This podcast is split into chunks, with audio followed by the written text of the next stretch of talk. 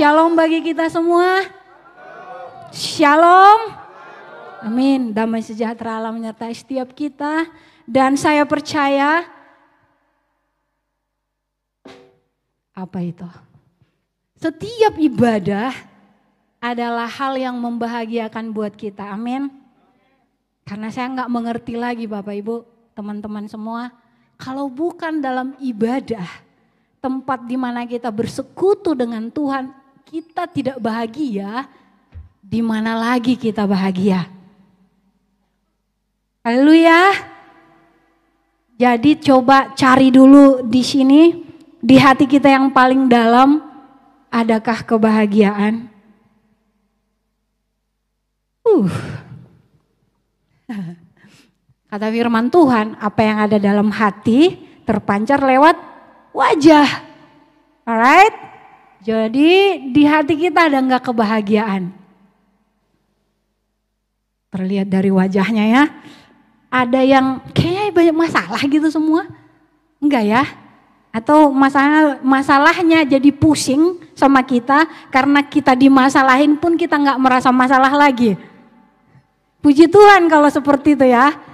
Tapi kalau kita yang merasa banyak masalah, coba sekali ini kita buat terbalik. Biar masalahnya gencar-gencarnya datang, tapi kita nggak merasa masalah lagi. Karena apa? Karena kita punya Tuhan tentunya yang nolong kita. Amin.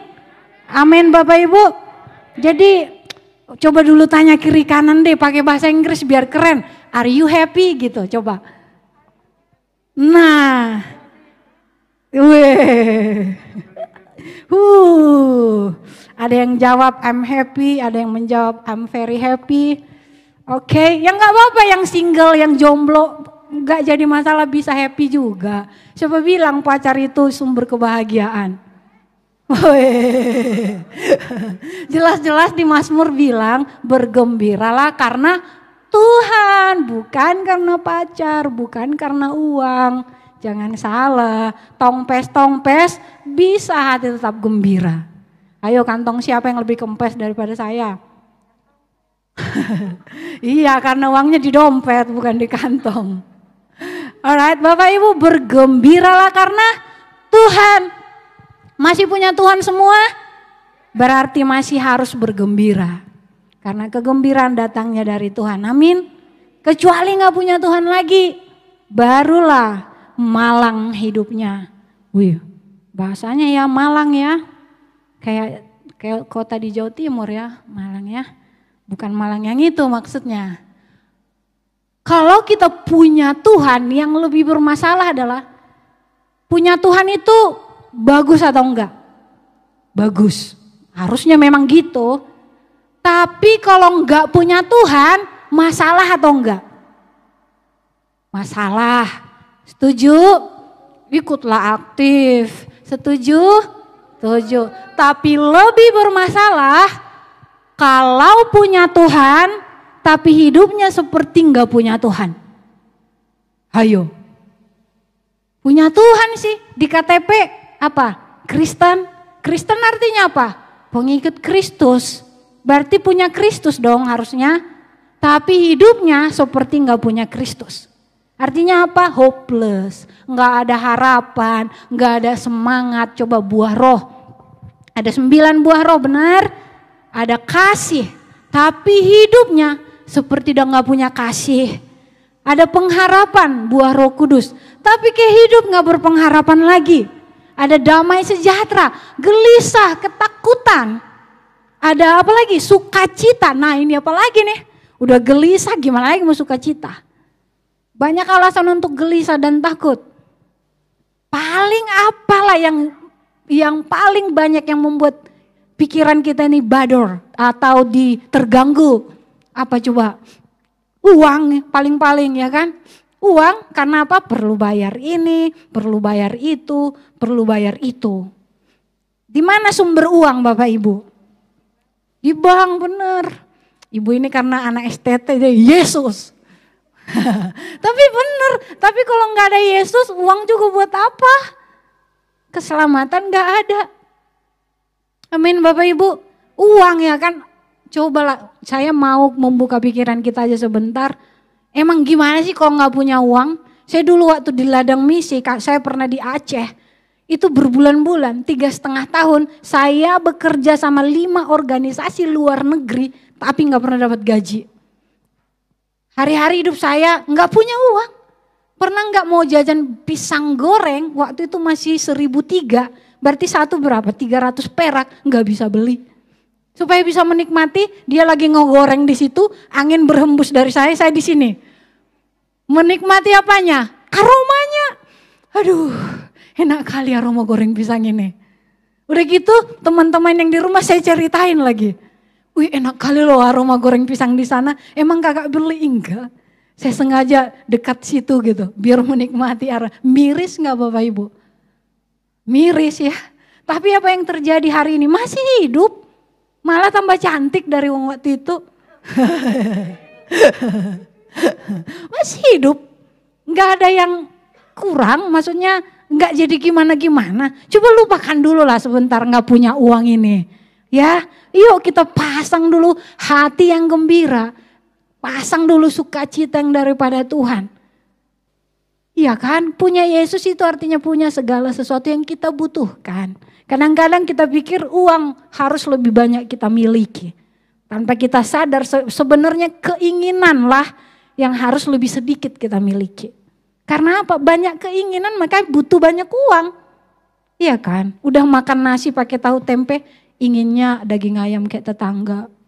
Udah punya daging ayam, inginnya sekali-kali nikmatin barbeque. Udah dikasih kesempatan sekali, inginnya ayam sauce yang di sana. Udah ke ayam sauce, sekali-kali kayak ketahura kayak anak muda kemarin.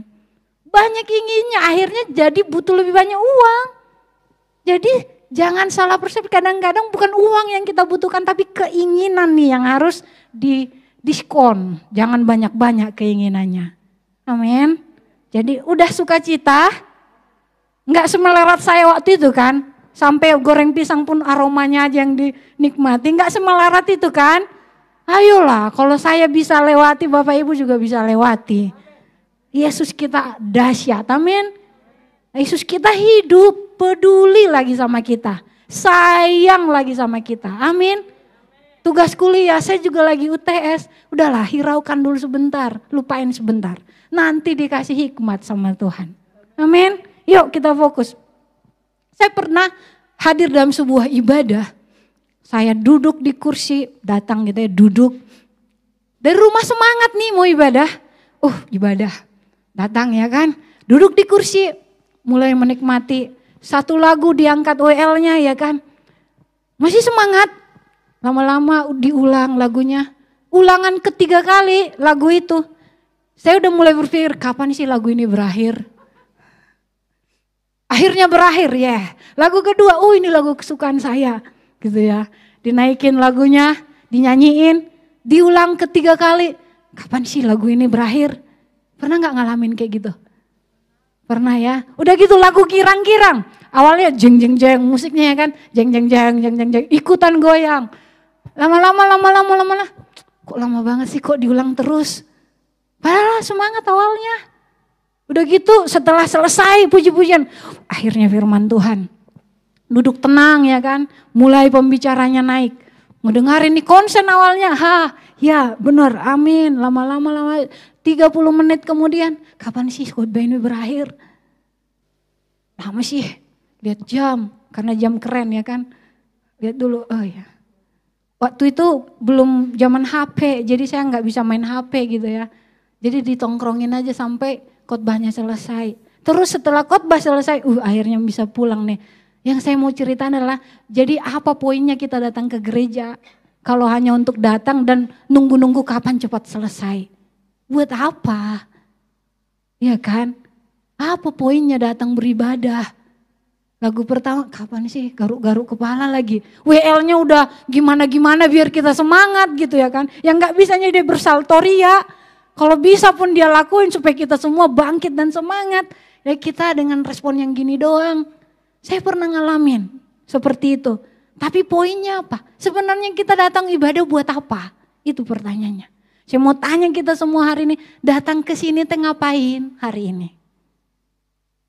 Ayo, Coba langsung dijawab di hati aja lah. Kalau nanti jawab ke saya satu-satu lama.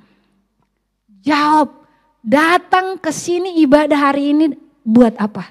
Yang lebih parah lagi, waktu khotbah kayak sekarang ini nih ya kan, waktu khotbah di pikirannya mulai habis ibadah kita nanti ke mana ya? Makan di situ yuk. Udah mulai ke situ. Terus ngapain datang? Tuh di rumah juga nggak dimarahin. Kalau nggak datang pun ke sini ibadah nggak ada yang marah. Iya kan? Nggak ada yang marahin kan? Kalau misalnya Mama Ando nggak datang ibadah, saya nggak marahin kok, nggak saya galakin. Paling saya tanya, Kando ke mana? Di rumah, ya udah. Nggak ada yang marahin. Terus kenapa harus datang? Kalau kondisinya seperti itu. Kalau datang hanya untuk cepat pulang, nggak dinikmati. Intinya nggak dinikmati ibadahnya. Jadi ditanya, kenapa datang kalau nggak menikmati ibadah? Sebenarnya kita datang buat apa? Amin, Bapak Ibu. Kita mau belajar dari firman Tuhan hari ini. Buat apa kita datang beribadah? Kita akan baca dari Lukas. Kalau saya bilang kitab Lukas, kita teringat siapa Bapak Ibu? teringat Pak Gembala ya. Kangen nggak Bapak Ibu? Ya kita suarakan hati kita lewat ibadah ini. Yuk kita kangen Pak Gembala dan Ibu Gembala gitu ya. Alright. Lukas 7 ayat 36 sampai 50. Banyak ayatnya Bapak Ibu. Jadi saya mau Bapak Ibu jangan berpikir kapan khotbah ini selesai. Percayalah, nggak ditunggu pun selesainya ini nanti. Amin. Bapak Ibu pasti pulang kok nanti ke rumah. Amin. Jadi jangan buru-buru ya, dinikmati aja. Amin ya. Oke. Kita akan baca ganti-gantian. Kaum wanita akan membaca ayat 36 dan kaum pria ayat ganjilnya. Ready? Oke, mana dua ready? Mantap. Itu dong semangat. Yuk, satu dua tiga ayat 36. Satu dua tiga. Seorang Farisi mengundang Yesus untuk datang makan di rumahnya. Yesus datang ke rumah orang Farisi itu lalu duduk makan. Kaum pria.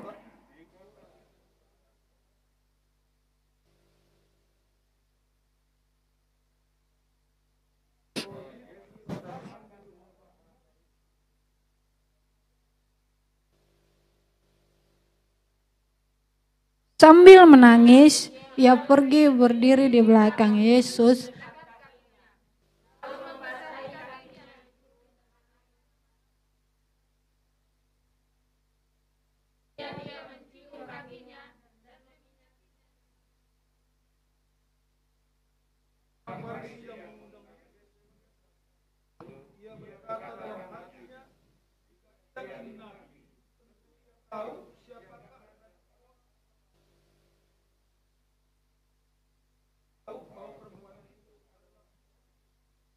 Lalu Yesus berkata kepadanya, Simon, ada yang hendak kukatakan kepadamu. Sahut Simon, katakanlah guru.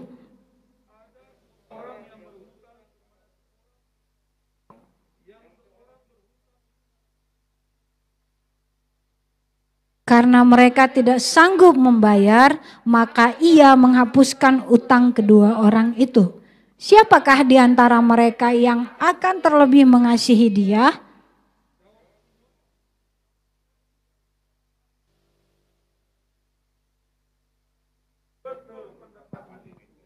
Dan sambil berpaling kepada perempuan itu, ia berkata kepada Simon, Engkau lihat perempuan ini?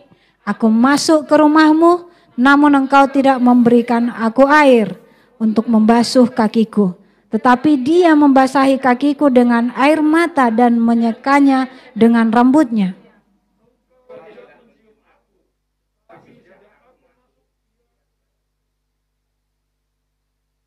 Engkau tidak meminyaki kepalaku dengan minyak, tapi dia menyaki kakiku dengan minyak wangi.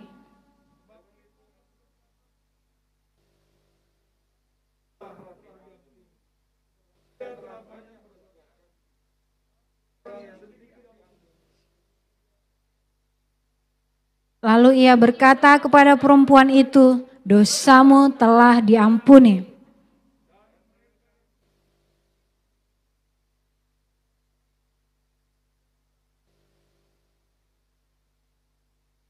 Tetapi Yesus berkata kepada perempuan itu, imanmu telah menyelamatkan engkau, pergilah dengan selamat. Amin buat firman Tuhan. Amin ya Bapak Ibu. Kita mau belajar, ada dua orang yang mencari Yesus dalam cerita ini. Kita akan melihat cerita pertama versinya Simon orang Farisi. Simon orang Farisi ini yang diceritakan di sini namanya Simon Bapak Ibu. Simon ini mengundang Yesus ke rumahnya. Amin. Mengundang Yesus ke rumahnya. Memiliki Yesus di rumah kita baik atau tidak? Baik sekali. Memiliki Yesus di hidup kita, mengundang Yesus ke hidup kita itu harus malah. Amin Bapak Ibu. Simon ini berarti menurut Bapak Ibu orang benar atau tidak?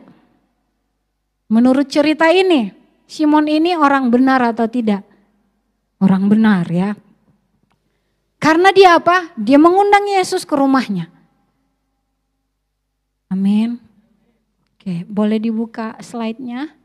Terima kasih. Simon mengundang Yesus ke rumahnya dan mengadakan perjamuan.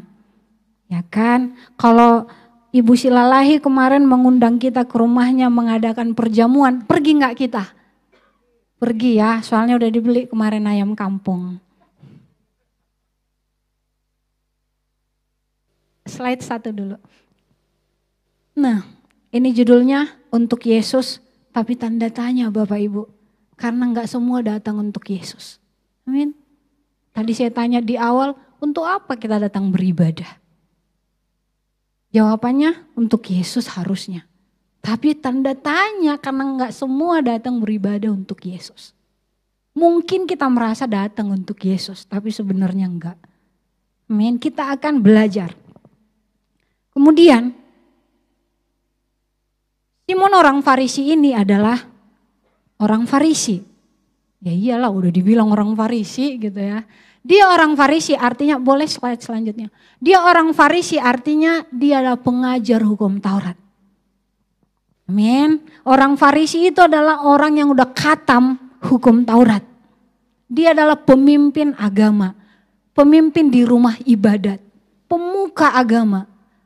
Tetapi wanita itu yang tadi dibilang siapa nama wanita itu tadi? Nggak disebut karena nggak terkenal wanita ini. Yang orang tahu tentang dia hanya reputasinya dan orang mencap dia sebagai orang ber, berdosa. Apa dosanya? Kalau kita baca the whole story, semua ceritanya wanita ini seorang pelacur. Seorang pelacur. Sampai Alkitab nggak tulis namanya saking nggak dihitungnya. Gak usahlah repot-repot ngingat siapa namanya lah. Dia adalah pokoknya wanita berdosa lah.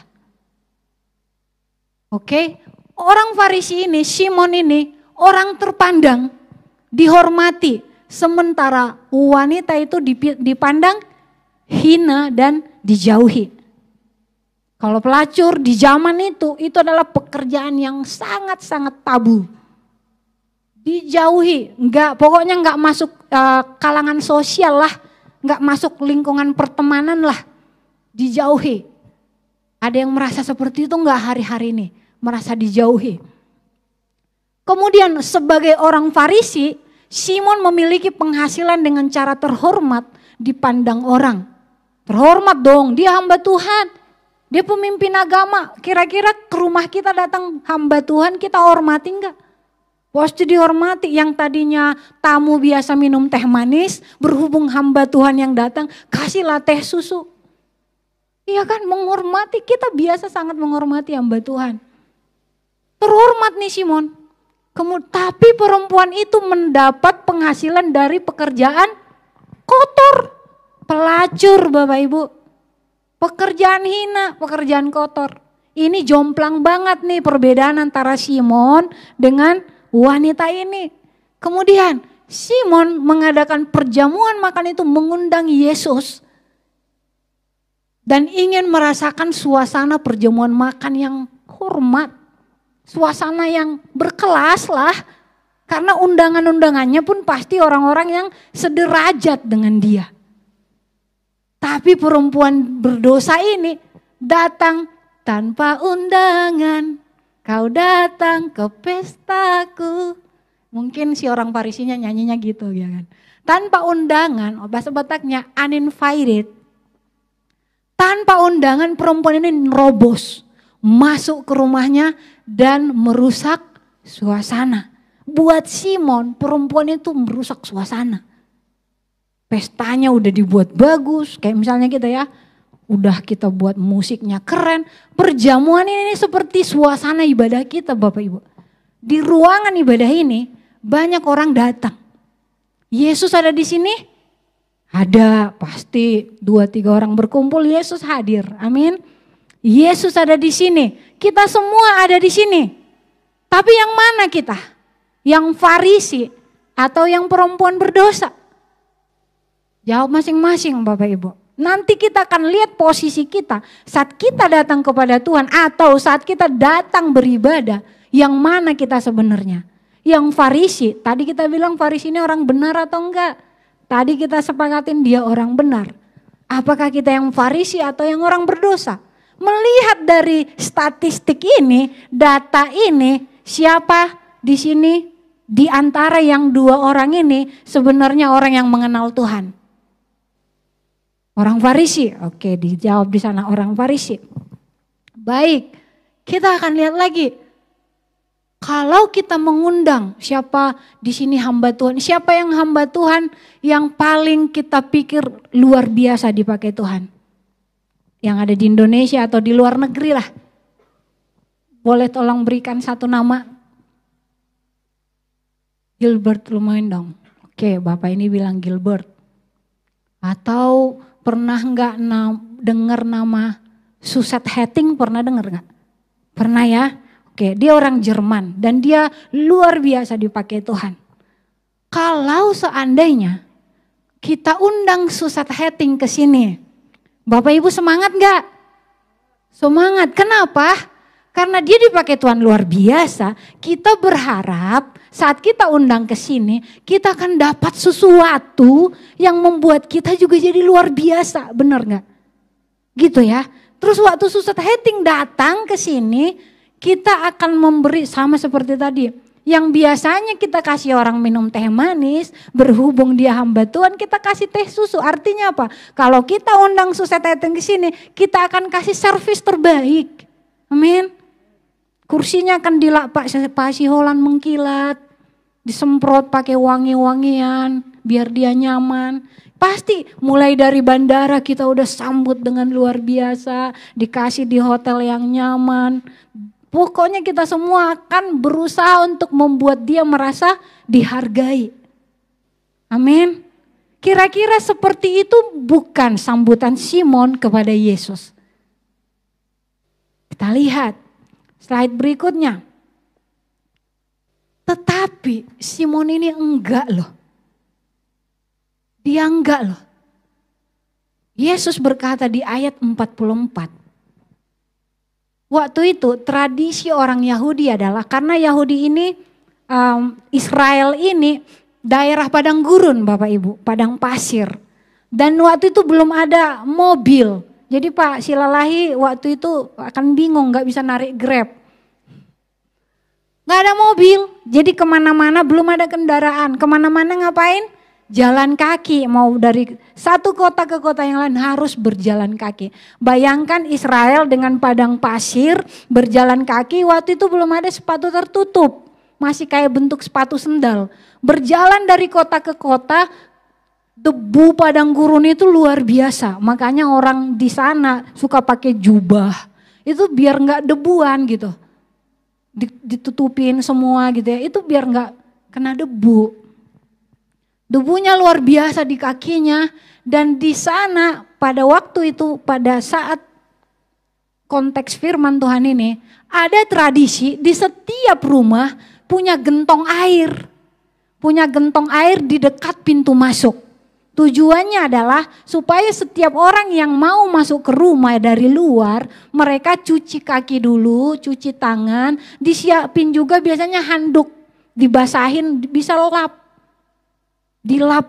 Jadi masuk ke rumah itu enggak kotor.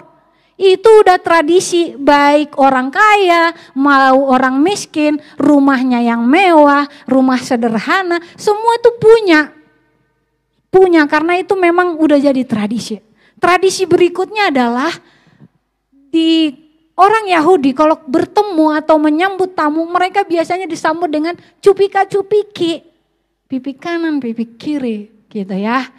Disambut ramah artinya. Itu jadi tradisi. Jadi siapa pun yang datang bertamu ke rumah kita, nggak dilihat-lihat ini mulus nggak wajahnya. Nggak gitu, pokoknya semua cupika-cupiki lah. Itu udah jadi tradisi, udah jadi adat, kebiasaan di zaman itu. Tapi kita lihat nih, waktu kita undang Suset Heting ke sini, kita berpikir memberi semua yang terbaik yang bisa kita bisa. Tapi Simon ini kita pikir tadi dia keren nih Simon, ngundang Yesus ke rumahnya. Karena Yesus waktu itu memang lagi viral. Dia sembuhin orang sakit, dia bangkitin orang mati. Seorang pelacur pun pernah dibela sama Yesus. Ingat cerita itu? Pelacur yang tertangkap basah dibawa kepada Yesus dan harusnya orang-orang yang bawa dia bilang, "Guru rajamlah ini karena itu hukum Musa." Kalau enggak kamu rajam berarti kamu melanggar hukum Musa. Tuhan Yesus bilang apa? Oke lah, kalau itu hukum Musa yuk kita lakukan. Yang yang yang tidak punya dosa, yang pertama melempar boleh silahkan. Akhirnya semua orang pergi karena merasa bukan cuma punya dosa, banyak dosa.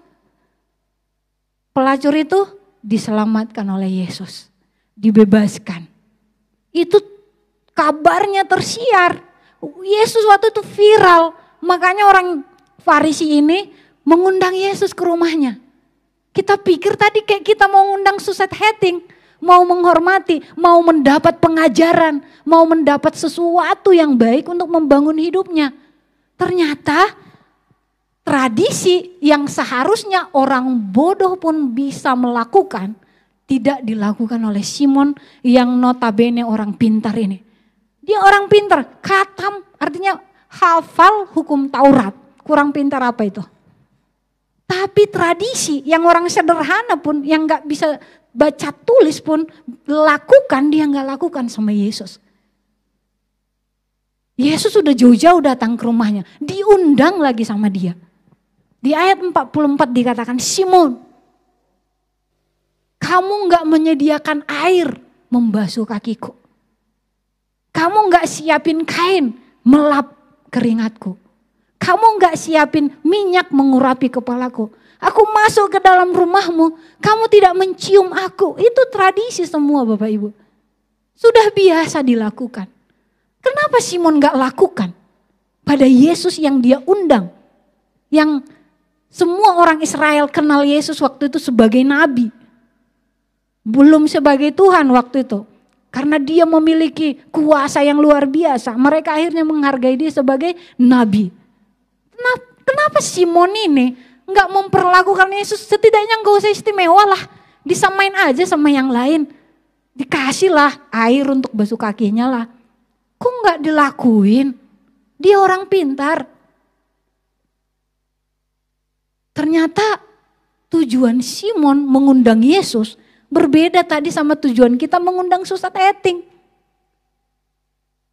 Tujuan Simon ingin memperlihatkan di hadapan semua teman-temannya orang-orang Farisi yang sederajat dari dia bahwa hey dia ini mungkin terkenal tapi kita lebih daripada dia. Si kita undang dia dia datang taat. Kita nggak usah layani lah. Di hadapan semua orang Yesus ingin dipermalukan oleh orang pinter ini. Hati-hati orang pinter. Gak usah pinter dong, gak gitu juga. Amin. Orang pinter ini, orang bijaksana ini, orang yang mengerti hukum Taurat. Bukan cuma mengerti, dia adalah pengajar hukum Taurat. Tidak mengerti bagaimana cara menghormati Yesus. Kemudian itu adalah Simon. Kita pikir tadi mantap Simon ini ya mengundang Yesus ke rumahnya. Ternyata dia mengundang bukan untuk menghormati Yesus. Yang ada Yesus dipermalukan. Tapi apa yang Yesus katakan? Waktu Yesus mendengar di pikiran Simon waktu wanita itu datang gitu ya. Wanita orang berdosa, perempuan berdosa datang ke rumah Simon robos merusak suasana. Simon berpikir seperti ini. Wanita itu datang nih dekat-dekat sama Yesus. Terus dipegangnya kaki Yesus. Simon mulai berpikir, ini beneran nabi enggak ini? Kalau dia ini nabi, dia pasti tahu nih orang macam apa. Perempuan macam apa yang sedang memegang kakinya. Yesus tahu apa yang dipikiran Simon. Yesus tahu apa yang kita pikirkan saat ini Bapak Ibu. Kalau Bapak Ibu menikmati ibadah ini, Yesus tahu. Enggak menikmati pun Yesus tahu. Memikirkan hal yang macam-macam pun Yesus tahu. Dan Yesus bilang, Simon, kamu tahu Simon, kita lihat nih, ini adalah versi dari perempuan berdosa saat dia datang kepada Yesus. Perempuan berdosa ini datang hanya karena mendengar kabar burung. Yesus yang viral itu lagi di rumah Simon loh. Diingatnya dulu ada temennya pelacur yang itu tuh yang tadi kita ceritain. Dilepaskan, ditolong sama Tuhan Yesus bisa timbul niat di hati perempuan berdosa ini untuk menemui Yesus. Bisa kita bilang dia punya kerinduan ingin mengalami sesuatu seperti temannya itu. Amin Bapak Ibu. Tanpa diundang dia masuk ke perkumpulan, perjamuan yang dilakukan oleh orang Farisi. Orang Farisi di zaman itu perempuan sama laki-laki nggak boleh berkumpul. Maksudnya kalau ada acara kumpul-kumpul gini di ruang tamu yang duduk hanya laki-laki semua. Perempuan biasanya di dapur lah. Ya kan? Itu tradisinya. Jadi bisa kita bayangkan di ruang tamu Simon ini, di perjamuan Simon ini, semua adalah laki-laki. Ahli ahli hukum Taurat, pemimpin rumah ibadat, orang-orang terhormat yang dipandang di zaman itu. Itu yang berkumpul di ruangan itu. Tiba-tiba perempuan ini yang adalah pelacur ini yang bahkan namanya pun tidak diingat, saking hinanya dia di mata orang, datang, kebayang nggak?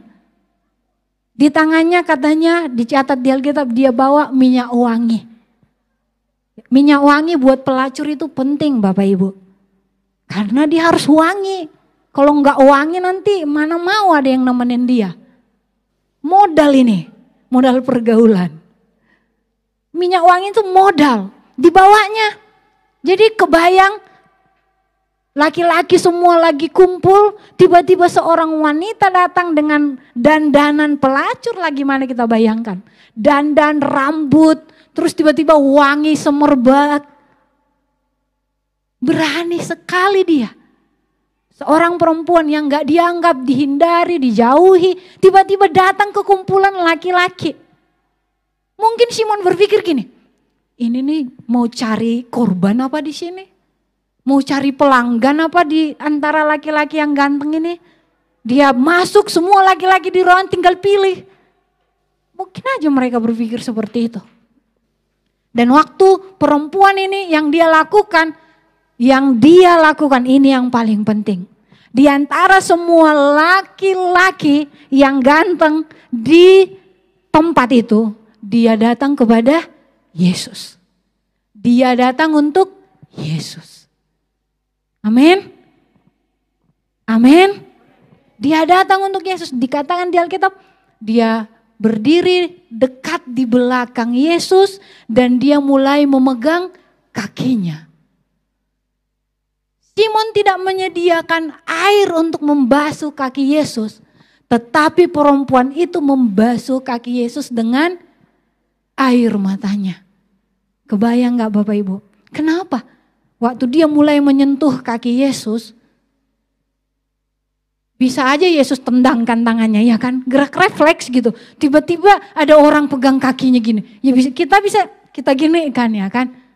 Bisa aja, apalagi ini di tengah-tengah laki-laki terhormat semuanya, kok tiba-tiba perempuan ini megang-megang apaan sih ini? Bisa aja Yesus gitu, tapi yang Yesus lakukan adalah dibiarkannya. dipegang kakinya, dibersihin mungkin sama perempuan itu, dilap-lap dulu pakai tangannya, seperti meraba-raba. Orang udah pada negatif thinking sampai Simon berpikir, kok ini nabi nggak tahu sih kalau dipelacur. Udah negatif thinking semuanya. Tapi Yesus membiarkan. Karena dia dibiarkan. Perempuan ini merasakan penerimaan dari Yesus. Dia mulai nangis. Wih, Yesus ini kok kok nggak usir saya ya? Dia nabi, didatangin pelacur nggak nyambung. Sangat tidak layak harusnya. Tapi dibiarkan sama Yesus, dia mulai nangis. Dia basahi kaki Yesus dengan air matanya. Simon tidak menyediakan handuk atau kain untuk menyeka peluh Yesus. Tapi perempuan ini punya sesuatu untuk menyeka kaki Yesus. Apa Bapak Ibu? Rambutnya. Apa yang ada pada dia? Rambutnya. Gak punya air, air matanya. Gak punya kain, rambut pun jadi. Kemudian Simon, waktu pertama kali datang, Yesus datang ke rumahnya. Gak ada cupika-cupiki. Gak disambut selayaknya. Tapi perempuan ini dari awal dia masuk, dia tidak berhenti-berhentinya mencium kaki Yesus. Amin. Kaki Yesus adalah yang paling kotor. Karena tadi dia dari luar, debu, penuh semua di situ. Dicium sama perempuan berdosa ini. Simon tidak menyediakan handuk menyekap peluhnya tapi perempuan ini menyekanya dengan rambutnya. Simon tidak memberi minyak untuk mengurapi kepala Yesus. Tapi perempuan ini punya minyak yang wangi, yang mahal, yang adalah modal hidupnya, modal pekerjaannya dituangkan pada kaki Yesus, tempat yang paling kotor. Kenapa kakinya? Karena itu yang paling kotor, itu yang mau dia bersihkan. Karena apa? Karena dia ingin mendapat mengalami hal yang sama. Dia mau hidupnya yang orang cap sebagai kotor, dia ingin kotorannya itu disingkirkan dari dia. Amin. Itu yang ia lakukan. Semua yang tidak dilakukan Simon sebagai tradisi untuk menyambut Yesus, semua dilakukan oleh pelacur yang gak dianggap ini. Halo, apakah kita merasa hebat hari ini? Apakah kita merasa pintar hari ini? Kita merasa lebih dari yang lain hari ini? Simon mengundang Yesus ke rumahnya bukan untuk dihormati, tapi untuk dihina. Tapi Yesus membalikkan keadaan. Di depan semua orang dia bilang gini, Simon, kenapa kamu nggak sambut aku? Aku datang air pun nggak kamu kasih, aku datang minyak pun nggak kamu sediakan, aku datang kain pun nggak kamu beri, aku datang nggak ada sambutan selayaknya. Di depan semua orang yang tadinya Simon berpikir mereka dia ingin menjagokan dirinya pada orang itu, malah terbalik. Yesus menunjukkan di mata semua orang bahwa Simon ini orang yang tidak dalam tanda kutip tidak terpelajar jadinya kelakuannya, padahal dia orang pintar. Tapi perempuan berdosa ini Waktu dia melakukan semua yang tadi kita bilang, dia mulai nangis. Dibasahinya kaki Yesus dengan air matanya. Disekanya kaki Yesus dengan rambutnya. Diberinya minyak wangi, dicium minyak kaki Yesus. Yesus bilang apa? Simon, lihat dia. Enggak kamu lakukan semua itu, dia lakukan. Dan dikatakan di depan semua orang. Karena apa yang ia lakukan itu, dosanya telah diampuni. Amin. Di depan semua orang, apa artinya itu? Posisi wanita ini di dipulihkan di depan mata semua orang. Karena semua orang melihat dia hina, bahkan namanya pun gak diingat. Dia dicap perempuan berdosa. Boleh slide selanjutnya. Apa yang dialami oleh pelacur ini tidak dialami oleh Simon. Padahal Simon di rumah siapa? Eh sorry, Yesus di rumah siapa? Di rumah Simon. Yesus di rumah kita, bisa aja kita nggak ngalamin apa-apa. Malang nggak itu? Punya Tuhan, tapi nggak ngalamin Tuhan. Halo Bapak Ibu. Amin Bapak Ibu. Farisi vs pelacur ini kita udah bisa bayangkan lah. Saat wanita ini datang kepada Yesus yang pertama dia terima, dia terima penerimaan. Dia diterima oleh Yesus. Dia nggak ditolak, dia nggak disingkirkan. Masyarakat menghindari dia, masyarakat menjauhi dia, tapi Yesus menerima dia. Dia terima pengampunan atas dosa-dosanya. Dia dicap orang berdosa, tapi saat bertemu Yesus, dia Yesus bilang, "Dosamu diampuni." Kemudian dia terima kesempatan kedua. Yesus bilang terakhir, "Pulanglah dan jangan berbuat dosa lagi." Kalau kita baca riwayat wanita atau perempuan pelacur ini, dia akhirnya bergabung dengan kumpulan wanita-wanita yang menyokong pelayanan Yesus. Dia salah satu wanita yang pergi ke kubur Yesus pagi-pagi buta waktu itu. Dia dapat kesempatan kedua dalam sebuah pertemuan yang difasilitasi oleh orang Farisi yang sudah pengajar hukum Taurat tapi nggak ngalamin apa-apa dari Tuhan. Kita sudah biasa datang ke gereja. Kita sudah biasa dengar firman Tuhan. Saya mau nanya, ngalamin gak Yesus di hidup kita? Ngalamin gak kuasa Tuhan di hidup kita? Ngalamin gak penyertaan Tuhan? Ngalamin gak kasih Tuhan dalam hidup kita?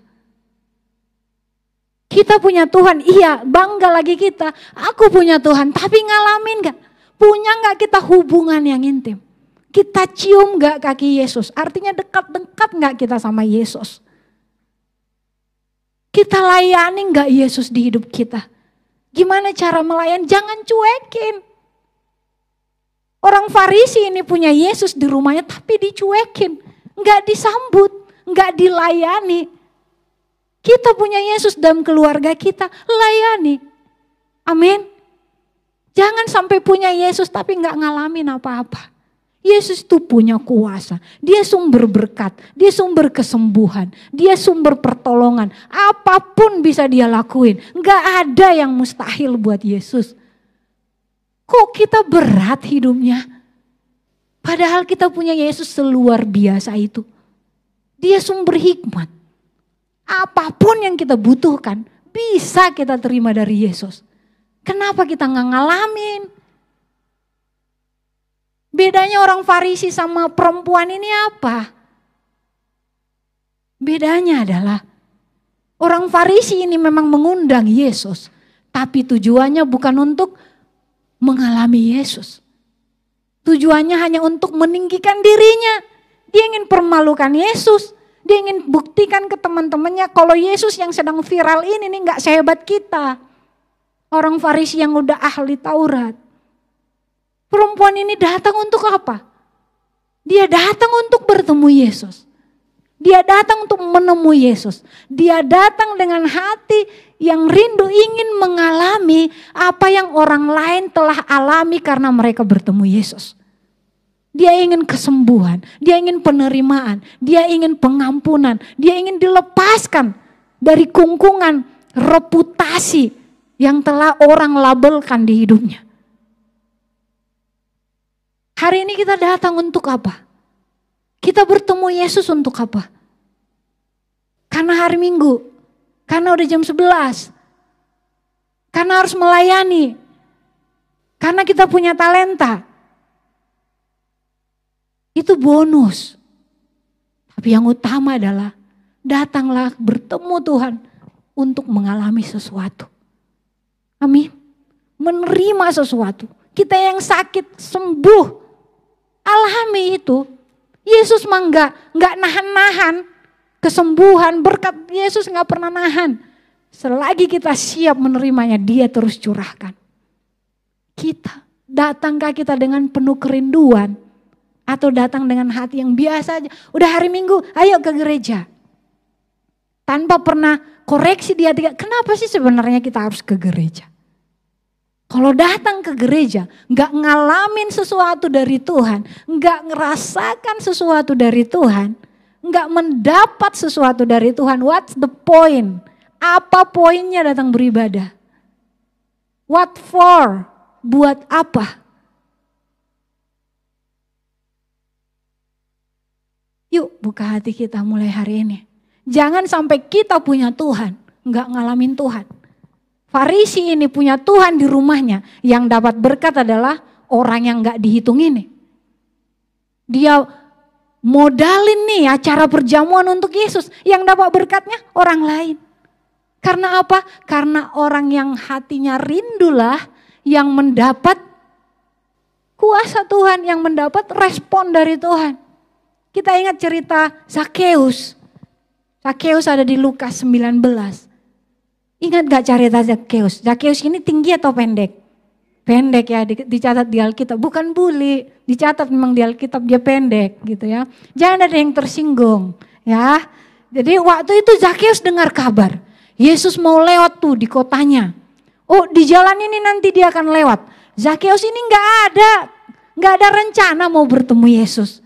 Dia datang ke jalan itu dia cuma hanya ingin ngelihat dari jauh. Makanya waktu dia mau coba-coba lihat gini, nggak bisa.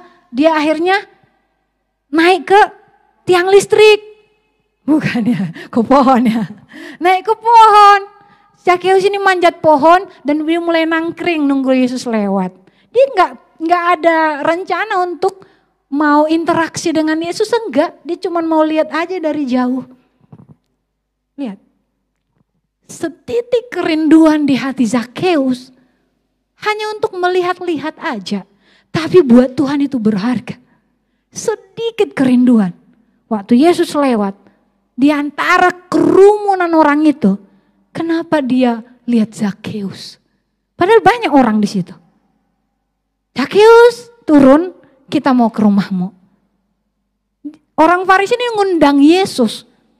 Modalin nih semua untuk dapat menghadirkan Yesus di rumahnya. Berkorban dia. Zakheus ini hanya modal sedikit rasa pengen tahu. Yesus yang viral ini emang kayak mana sih pengen lihat dulu lah gitu. Tapi sedikit kerinduan itu cukup untuk Yesus memulihkan hidup kita. Amin. Tanya hati kita, masih ada kerinduan gak? Datang ke gereja masih dengan hati yang rindu gak? Datang kepada Tuhan masih karena rindu kepada Tuhan gak? Atau hari Minggu, aku harus antar jemaat misalnya. Aku harus masak buat gereja. Aku harus melayani. Enggak lagi karena hati yang rindu. Makanya enggak ngalamin. Zakheus ini tiba-tiba dia harus jadi tuan rumah menyambut Yesus. Juru selamat mampir di rumahnya. Apa yang terjadi kita tahu kisah Zakheus. Belum lagi Yesus memberitakan Injil. Dia udah bilang, guru, oke lah guru, Aku akan bayar semua orang yang kurugikan selama ini. Karena Zakheus ini pemungut cukai. Ber ku bayar berapa kali lipat lah. Dan dicatat di cerita itu. Zakheus dan seluruh rumahnya mendapat keselamatan. Karena Yesus singgah di rumahnya. Singgah doang. Orang Farisi ini nyambut Yesus. Eh sorry, mengundang Yesus. Yesus tinggal di rumahnya berapa jam, berapa lama nggak terjadi apa-apa. So, itu semua tentang hati. Amin Bapak Ibu. Zakheus cuman sedikitnya kerinduannya. Pengen tahu aja nya, pengen lihat doang. Di perjamuan orang Farisi itu, malah pelacur itu yang menemukan hidup yang baru. Jangan nanti kita yang paling rajin datang ke gereja, kita yang udah mati-matian melayani Tuhan, orang lain yang mendapat hidup baru. Orang lain yang mengalami kuasa Tuhan. Kenapa? Karena kita melakukannya bukan lagi dengan hati yang rindu. Bukan lagi karena kasih kepada Tuhan. Karena rutinitas. Slide selanjutnya.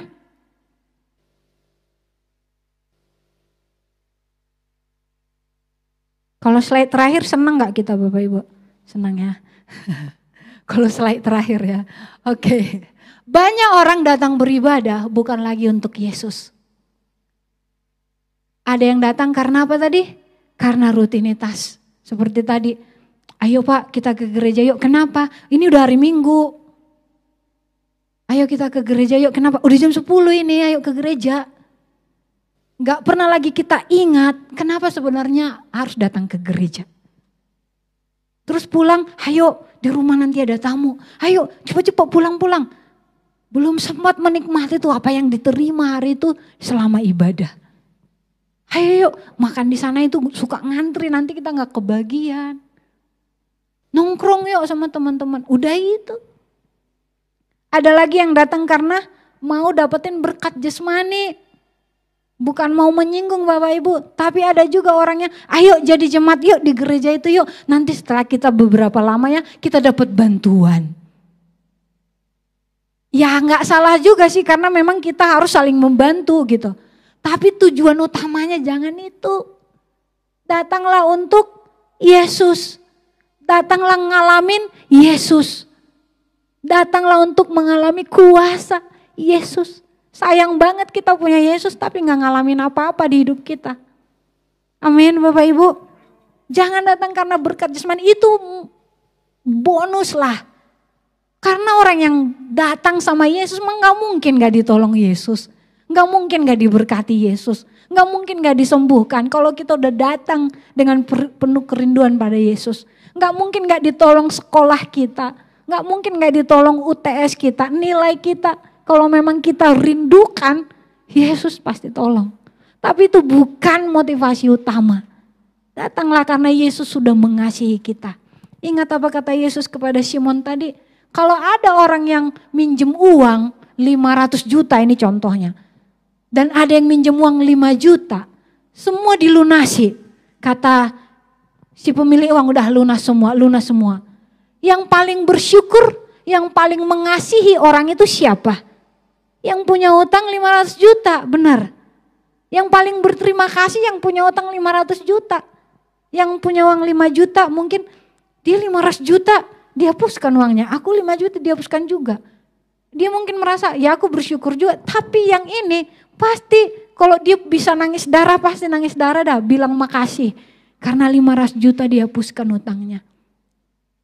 Terus Yesus bilang apa? Siapa yang bisa memberikan kasih lebih banyak, itu karena dia telah menerima lebih banyak. Karena kita nggak bisa memberi apa yang belum kita miliki. Jadi kalau mau hidup kita semakin berdampak, mau hidup kita semakin memancarkan kebaikan Yesus, kebaikan Kristus, terimalah lebih banyak dari Tuhan. Alamilah lebih banyak daripada Tuhan alamilah lebih banyak bersama dengan Tuhan. Waktu kita bisa berkata pada orang, Yesus itu menyembuhkan. Itu kita katakan karena kita pernah ngalamin kesembuhan. Amin. Alami lebih banyak. Waktu kita bisa bilang ke orang, kita jadi berkat, artinya kita menjadi sesuatu yang bermanfaat buat orang lain. Itu namanya jadi berkat. Kalau kita belum pernah ngalamin ditolong Tuhan, bagaimana kita bisa bilang Tuhan itu penolong? Alami. Siapa yang mengasihi lebih banyak? Itu karena dia merasa udah dikasihi lebih banyak. Kalau kita tahu kita sangat dikasihi Tuhan, kita pasti sangat mengasihi. Sangat mengasihi Tuhan dan sangat mengasihi sesama. Amin. Jangan datang karena merasa lebih rohani dari orang lain. Ada nggak orang datang ke gereja setelah pulang dari gereja, ah kalian lah di sini-sini aja warung kopi terus. Kayak kita lah ke gereja. Ke gereja bukan hanya bukan untuk supaya bisa membuat orang lain merasa nggak rohani. Datang kepada Tuhan itu bukan supaya kita punya alasan untuk merendahkan orang. Kalau kita udah diangkat sama Tuhan ke tempat yang lebih tinggi, tugas kita adalah jadi jembatan buat orang supaya bisa naik. Bukan untuk menginjak yang di bawah. Tapi jadi penolong buat orang-orang di bawah naik bersama dengan kita. Amin. Jangan datang kepada Tuhan biar lebih rohani ah dari orang lain. Bukan itu. Jangan datang untuk pamer. Ada nggak datang pamer harta? Tadi saya di ibadah pagi saya cerita. Dulu mama saya ya mau ke gereja. Len, len sini dulu menurut kamu anting yang mana mama pakai cocok hari ini? Untuk mau ini mau ke gereja nih diurusin anting. Untuk anting emas nih bukan anting imitasi gitu. Yang mana Len? Yang mana aja? Datang saya juga kan waktu itu masih belum bertobat juga. Kayaknya untuk kebaya mama yang ini kayak cocok anting yang ini nih, yang ini nih. Tapi pulang dari gerejanya dapat nggak sesuatu? Saya sendiri nggak dapet. Saya sendiri waktu itu masih remaja gitu ya pendeta khotbah saya ngapain? Ngobrol sama teman saya di sebelah. Karena kursi kita yang panjang itu gitu ya. Jadi duduknya rapat-rapat. Ngobrol aja kita. Bisik-bisik. Apa poinnya ibadah? Apa poinnya datang pada Tuhan? Terus jangan datang untuk pamer. Oh, mobil kita lagi keren nih. Ayolah ke gereja. Nanti parkir depan.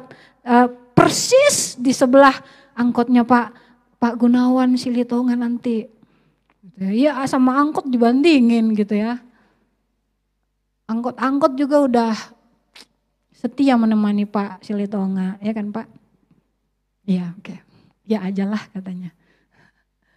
Jangan karena pamer-pamer apa-apa, terus pamer talenta ini lebih parah lagi. Yuk melayani Tuhan, Kenapa kamu melayani Tuhan? Kan aku bisa main gitar, kan aku bisa main musik, kan suaraku bagus. Ya semua itu memang baik dan harus kita persembahkan untuk memuliakan Tuhan. Tapi jangan datang kepada Tuhan supaya ingin dilihat orang dan orang lain eh, hebat ya dia ya. Jangan itu tujuannya, amin. Yang melayani Tuhan, jangan karena itu tujuannya. Layanilah Tuhan karena kita udah mengalami kasihnya luar biasa. Kita rasanya ingin mengasihi Tuhan luar biasa juga. Itu alasannya. Amin Bapak Ibu. Jangan merasa memiliki Tuhan tapi tidak mengalami Tuhan.